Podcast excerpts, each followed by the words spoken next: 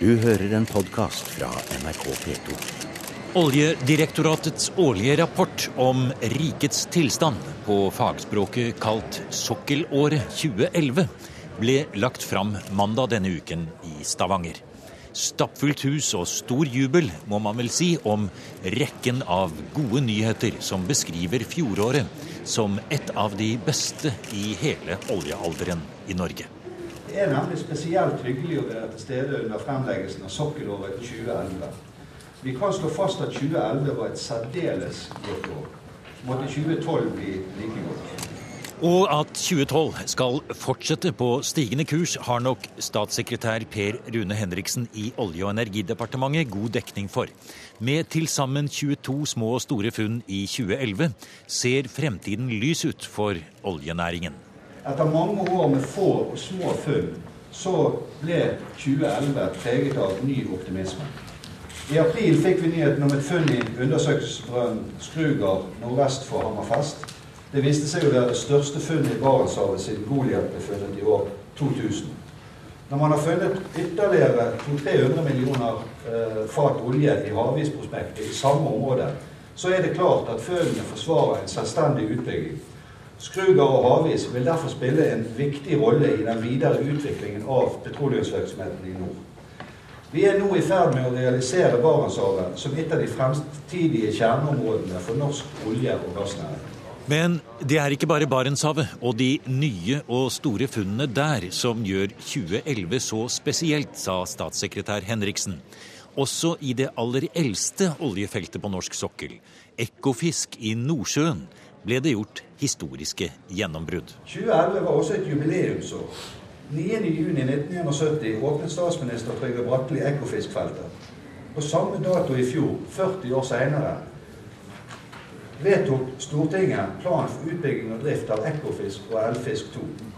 Investeringene knyttet til prosjektet er på over 65 milliarder kroner og vil øke utvinningen med nesten 500 millioner fat. Som det eldste feltkomplekset i drift på norsk sokkel symboliserer Ekofisk det norske oljeeventyret. Disse planene legger til rette for 40 nye år, og viser igjen at norsk petroleumsnæring ikke er næringens solnedgang.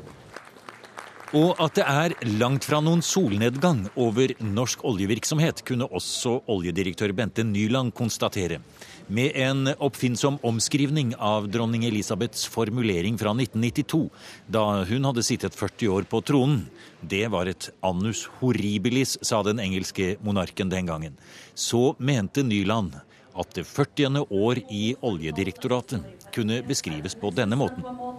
Illustrere litt av det året som har vært et annus hurrabilis, et overraskelsens år. Og et annus hurrabilis er sikkert også seismikk- og geologiekspertene enige om at det må ha vært. For nå kommer det lovende profiler inn fra Barentshavet, sa Bente Nyland. Hun er selv geolog og la fram et lysbilde for pressekonferansen, som så ut som en skjematisk fremstilling av en underjordisk vulkan. Det var et eller annet som banet seg opp gjennom havbunnen langt ute i Barentshavet. Et sted i nærheten av russisk sokkel. Og Det er jo slike bilder som får geologer til å bli litt stjerner i blikket. og som eh, Ikke fordi dette nødvendigvis teller, forteller oss at det er olje og gass i området, men fordi det forteller oss at det kan være olje og gass her. For de som ikke klarer å se hva dette er, så viser den, og det er sikkert flere, og det har jeg stor respekt for, men som geologer så forteller dette at her kommer vi inn fra norsk side. Vi klarer å plukke opp disse sterke markerte horisontene. De vet vi hva er, for der har vi boret brønner i på norsk side. Vi kommer inn i et område hvor vi ser salt. Salt som presser seg opp i havbunnen. Og så ser vi en stor domstruktur som fortsetter ned her og inn mot den russiske delen av området. Og dette er jo flere typer muligheter hvor man vil se nærmere på for å se om det er noe som kan tyde på at det er olje og gass til stede. Her har vi sokkelkart, ja. Ja, Finn eh, Krog, et uh, annus hurrabilis, ja. Hørte vi oljedirektør Nyland sa. Det er altså et uh, år som man kan glede seg stort over. Og hva er det å rope hurra for? Nei, altså Vi som syns det er kjekt å speile suksessen til norsk oljevirksomhet, vi har jo all grunn til å være fornøyd med 2011. Både med at eh, oljevirksomheten går bra, og at det er gjort store nye funn. Både i nærheten av der funn er gjort før, og det er gjort betydelige funn eh, i nordområdene. Vi har gått nå inn på Oljemuseet her i Stavanger, og vi står helt nede i vannkanten. Og vi ser her nå på et stort sokkelkart. Og her står alle de forskjellige sektorene tegnet inn. Forklar nå litt eh, først, hvilke store nye hurrafunn er det som er gjort? Det er jo Aldus Avaldsnes eh, som ligger rett ut forbi kysten vår her på Vestlandet, som eh, er det største funnet. Ja, vi ser det her, tegnet inn her, like nord for Draupner, under Grane og Balder. Ja, og ser... like utfor uh, Avaldsnes og Haugesund. Kartet vårt er ikke helt oppdatert ennå, så her, her, har vi foreløpig vært med en klistrelapp mm. og vist hvor hen X-en står. Men det vil komme en mer oppdatert versjon etter hvert. Det er jo det ene store funnet, men det er også Nå må vi løfte hodet her og se oppover det store sokkelkartet. og Vi ser oppover mot uh, Snøhvit. Og her, eh, Geir Johannessen, må du hjelpe oss å se her. Vi ser høyt der oppe. Her er funn nummer to. Ja, Nå er vi jo på Skrugard og Havis i Barentshavet, som jo er to store funn i nord. Mm. Hvorfor er det så viktig å forstå forskjellen mellom disse to eh, funnene? Hva er det som skiller dem fra hverandre? Godt spørsmål, men eh, Aldous Avaldsnes ligger jo sentralt i Nordsjøen, egentlig i vår egen eh, bakhage. I en geologi som eh, vi på mange måter trodde vi kunne, men Utsirahøyden har jo vært en liten nøtt. Og nå har en jo på mange måter løst koden. Mm. Mens Skrugard havis ligger i Barentshavet, som jo er fortsatt rimelig jomfruelig. Mm. Du er jo geolog selv og arbeider her på Oljemuseet. Eh, var det egentlig ventet at man skulle greie å få ut mer av disse feltene? Det har jo vært bora og leita på Utsirahøyden eh, i flere tiår uten at de store funnene har, eh, har, blitt gjort. Så en har jo klødd seg litt i hodet, da. Hva, hva er det med denne Utsirahøyden? Og så har en nå forstått skjønt, så vidt jeg forstår, knekt den geologiske koden, og så gjør en da funnet Aldous Avaldsnes. Og det må vel da være slik at i eh, Barentshavet så må det være mange sånne nye koder som man ikke vet egentlig hva er engang nå på dette tidspunkt? Ja, helt sikkert. Der er det nok mye mark som må, må pløyes. og En driver jo med seismikkinnsamling og en driver og tolker. og Skjønner jo dette puslespillet her bedre og bedre etter hvert også. Mm. Men når vi står her inne på Oljemuseet Krog og tenker over nye, store funn og dette annus hurabilis, altså at eh, en ny, stor og viktig kapittel i den norske oljeindustrien, i det norske oljeeventyret, er i ferd med å, å utvikle seg. Så når vi står og ser rundt oss her, så er det vel sånn at Oljemuseet her det dokumenterer vel en oppfatning og en forståelse av oljeindustrien i Norge som at det kanskje ikke skulle vare så lenge, og kanskje ikke skulle bli så mange nye kapitler i den norske oljehistorien som det faktisk har blitt. Ja, Det er nok en utbredt oppfatning, det. At eh, denne oljehistorien snart skal ta slutt. Men eh, det er jo ikke sånn. Altså, Vi har jo lenge visst at eh, det at vi skal produsere olje og gass i minst 30-40-50 år med oljen, og gjerne i 100 år med gassen, det har vi visst lenge. Og når mange, når mange tror nå at disse nye funnene skal forlenge denne, denne tiden med, med, veldig mange år, mange tiår, så er jo ikke det heller tilfellet foreløpig. Dette handler jo først og fremst om at de nye funnene sikrer en fortsatt stabil aktivitet omtrent på det nivået vi har i dag.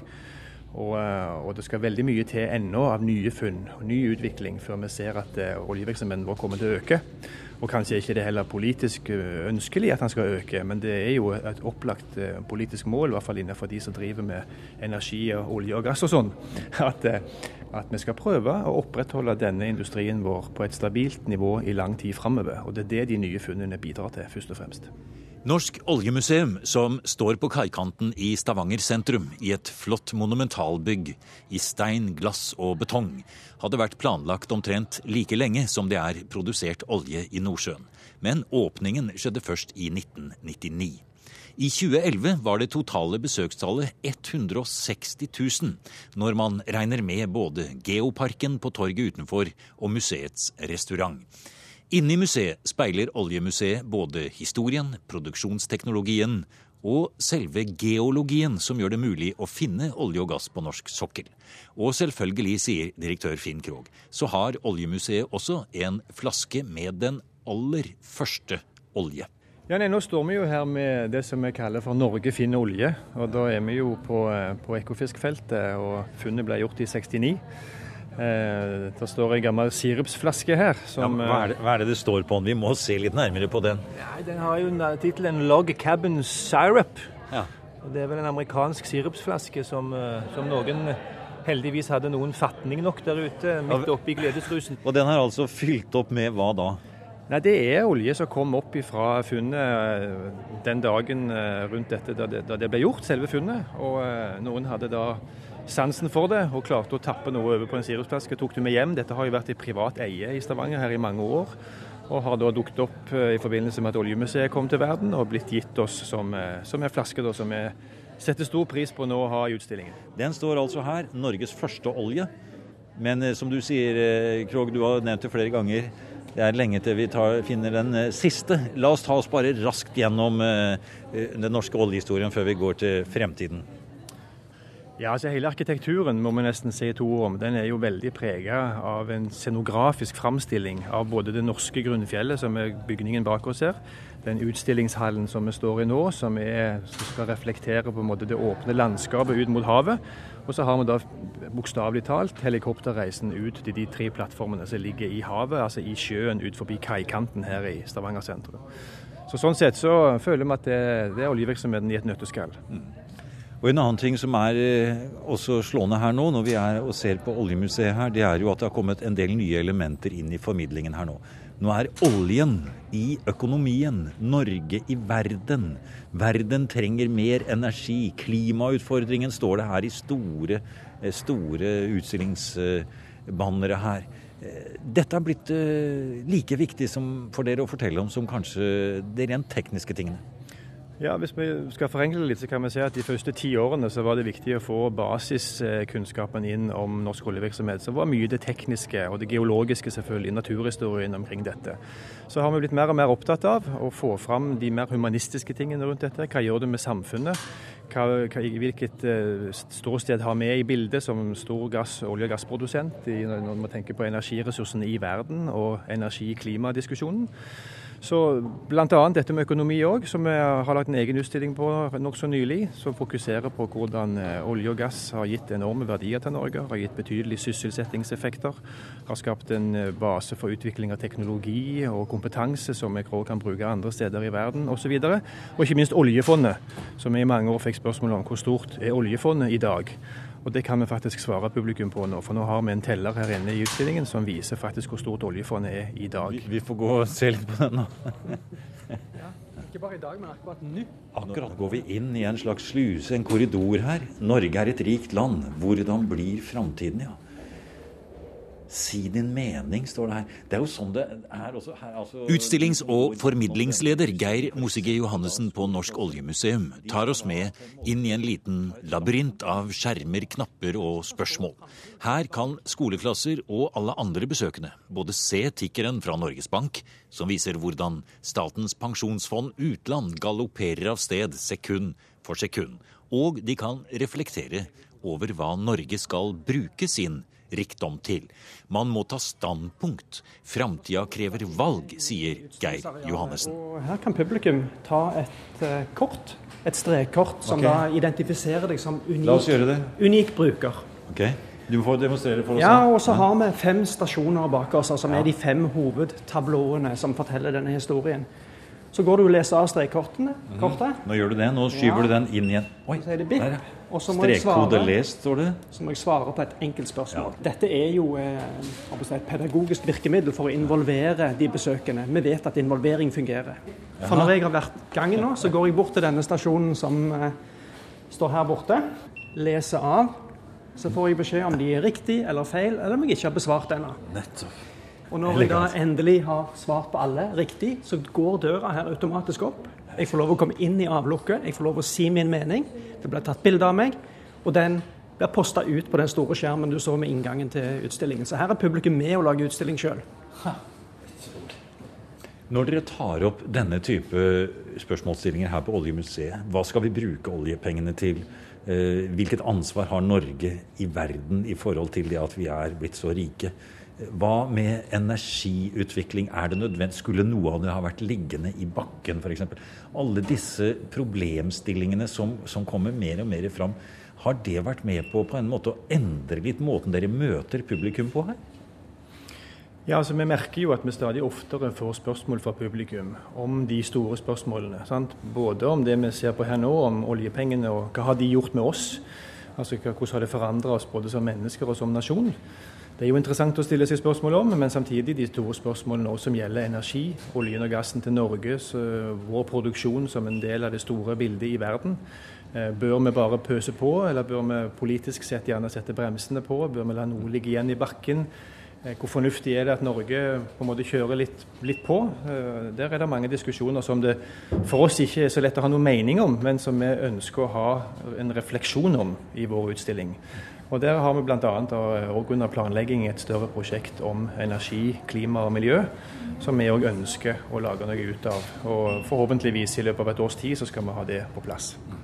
Det er egentlig litt fascinerende når vi går rundt her og ser. Og se her, nå kommer vi inn i den store hovedsalen her, og nå er det en hel, en hel, by eh, av oljeinstallasjoner som vi kan tenke oss ute i havet, som står foran oss her, med forskjellige typer plattformer da, som vi ser foran oss her.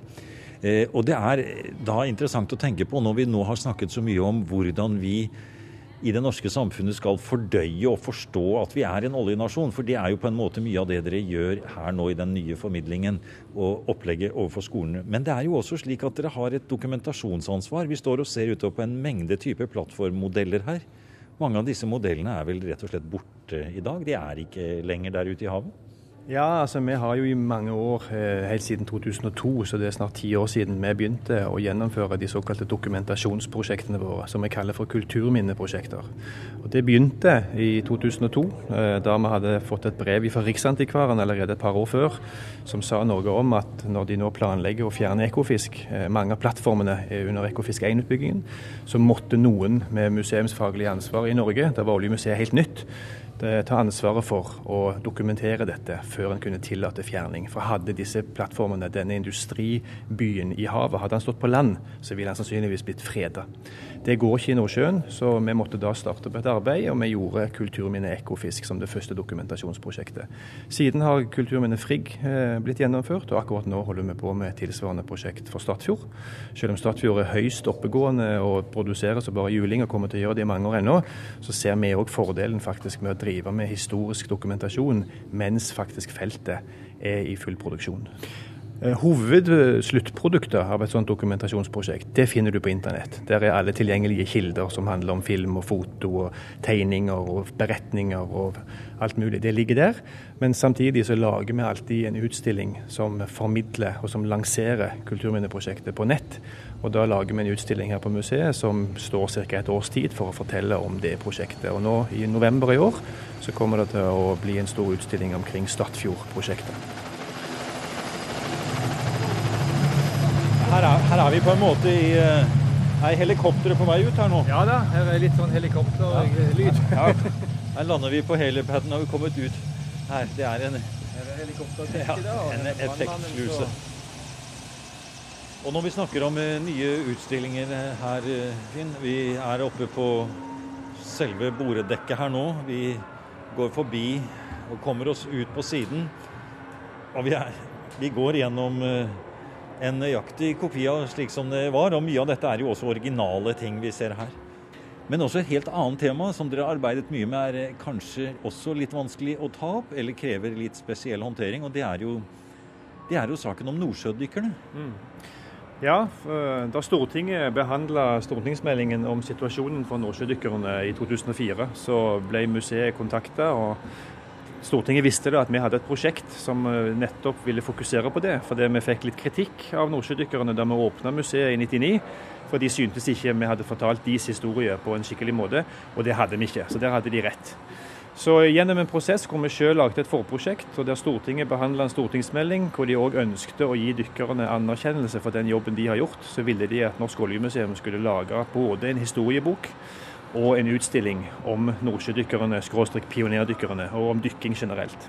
Men den har jo et historisk fokus og, og, på en måte tangerer veldig mye av de problemstillingene som det har vært konflikt om eh, når det gjelder pionerdykkernes situasjon. Så det er bare to år siden nå, det var i 2009, at vi åpna den utstillingen, som da både forteller om hvem nordsjødykkerne var, hva jobb de utførte i havet, litt om farene de var utsatt for, og så har vi lagd en audiovisuell produksjon som forteller om et dykk, et tenkt dykk på Ekofiskfeltet på 70-tallet. 20 metres. This insert will then be welded to both ends of the two pipelines to complete the connection. Her ser, her ser, vi jo hele produksjonen. Her er det bilder nede fra havdypet. Det er veldig fascinerende. vi ser en sånn ROV som går nede på bunnen her. Det er ganske flott å se på. Er det laget spesielt for, for denne utstillingen? Ja, dette er laget spesielt for oss. og Vi har eh, jobba veldig mye med både historien og uh, det grafiske her. Dette er jo en animasjonsfilm som tar deg med på et tenkt, men realistisk dykk. Og vi er tilbake i 1978 og er ned på dykkerfartøyet Arctic Seal og følger dykkerne på jobb. Og vi, og vi ser nå en sånn 180 graders uh, projeksjon her. og du får jo følelsen at du stiger og synker her. Ja, det er ganske immersivt. Vi sitter midt i opplevelsen, og det er surround-lyd. og du, du, eh, Hele hensikten var å gi folk en opplevelse av at du faktisk er med på dykket. Så det eneste som mangler, det er at vi blir bløte.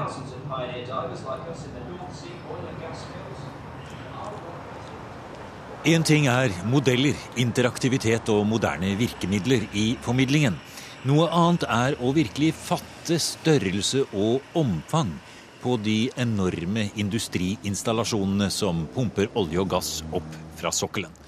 Bortsett fra de som har sitt arbeid ute på plattformene, er det svært få som har sett med egne øyne hva dette virkelig er. Nei, det er jo en av utfordringene vi har med å drive oljemuseum. Det er jo å vise folk det som handler om de virkelig store dimensjonene ute i havet. Men det har vi jo klart å få til akkurat nå i dette tilfellet. da. Nå er vi gått ut forbi hoveddøra vår og kommet ut der så det står en eh, ti meter lang eh, bit av eh, det vi kaller for Friggbroen. Og Det er en enorm stålkonstruksjon som i sin tid danna forbindelsen mellom plattformene på Frigg, både på norsk og britisk sektor. Så midt inne i det ti meter lange tunnelen her, der er det en linje som, som i sin tid da markerte grensen mellom Norge og Storbritannia ute på Frigg-feltet. Så her var det en, en avtale da den norske og britiske sektor om hvordan dette feltet skulle bygges ut. Eh, Total var operatør der ute. Og eh, disse enorme brokonstruksjonene som da ble demontert for en del år tilbake, de eh, kom til land. De kom til land på Stord og så sto der til opphogning. Og som en del av dokumentasjonsprosjektet som vi da gjorde om, omkring Frigg-feltet, så ble vi oppmerksom på dette, og så så vi at her er det en enestående mulighet. Hele denne broen den var jo 65 meter lang og forbandt to plattformer på norsk-britisk side. Og eh, det var jo ikke sjans å få 65 meter, det hadde jo veid 500-600 tonn eller noe sånt. Det var sjans kanskje å ta en liten bit av dette her. Så vi hadde med oss eh, litt spraymaling, og så markerte vi at fra hit til hit, med da grenselinjen i midten, vil vi gjerne ha hvis det er mulig. mulig. Ja. Og dette var jo både en teknisk krevende operasjon, og det var òg eh, selvfølgelig noe som kosta penger. Så vi bare ønsket oss den gangen, men eh, og nå, og nå går vi inn den her nå? Ja. Utrolig rett utenfor døren her så står det, og det er jo sånn som det skal være. Det er rustent jern, det er gul maling, det er svære konstruksjoner, og det å gå her gir jo ja, altså Du har et flott museum der inne, Finn, det er ikke tvil om det. Men det å gå her på den ekte tingen, det er noe annet. da. Og nå, ja, du får fortelle. Ja, nei, Nå er vi bare en meter igjen, og så står det et skilt oppi taket ja, hvor det står at You are now leaving the Norwegian sector, entering the British sector. Vi får nesten gjøre det, da. Så her krysser ja. vi da nå, nå krysser vi over. i havet. og det var jo selvfølgelig et morsomt poeng med hele denne installasjonen at vi fikk med oss akkurat den delen av broen som i sin tid var grenselinjen mellom de to landene.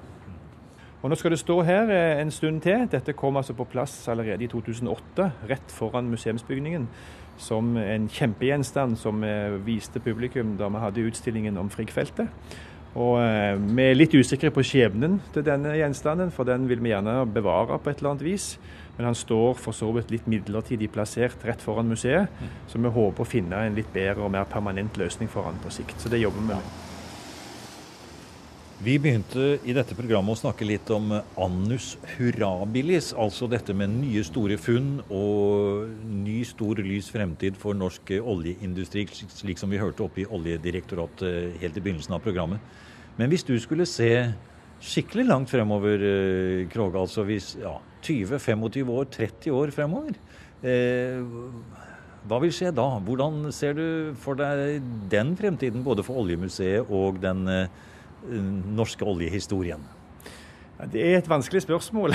og Det er ikke tvil om at eh, hele diskusjonen om ressursgrunnlaget og hvordan Norge skal utnytte det, hvordan det skal stå seg i en internasjonal sammenheng, hvordan vi skal utnytte det i forhold til miljøaspektet og den politiske utviklingen rundt dette her, så blir det krevende å følge med på alt og gi det en god refleksjon inn i museet. Eh, og så drar jo hele oljevirksomheten lenger nord. Eh, vi har hatt en stor diskusjon om Lofoten-Vesterålen, som fortsatt kommer til å gå. Vi gjør funn i Barentshavet. Eh, delelinjen mot Russland er blitt avklart, sånn at nå vil det skje mer konkrete ting. Og relasjonen mot Russland og hva som blir utviklingen og funnene i Barentshavet blir jo òg viktige for hvordan hele næringen skal gå. Og Da er det vår jobb å henge på det og klare å formidle det og være et uavhengig talerør, en informasjonskanal inn i samfunnet om hva norsk oljevirksomhet egentlig dreier seg om. Du har nå hørt programmet Museum som podkast fra NRK. Museum sendes i NRK P2 på lørdager og søndager. Du finner flere programmer på nrk.no podkast.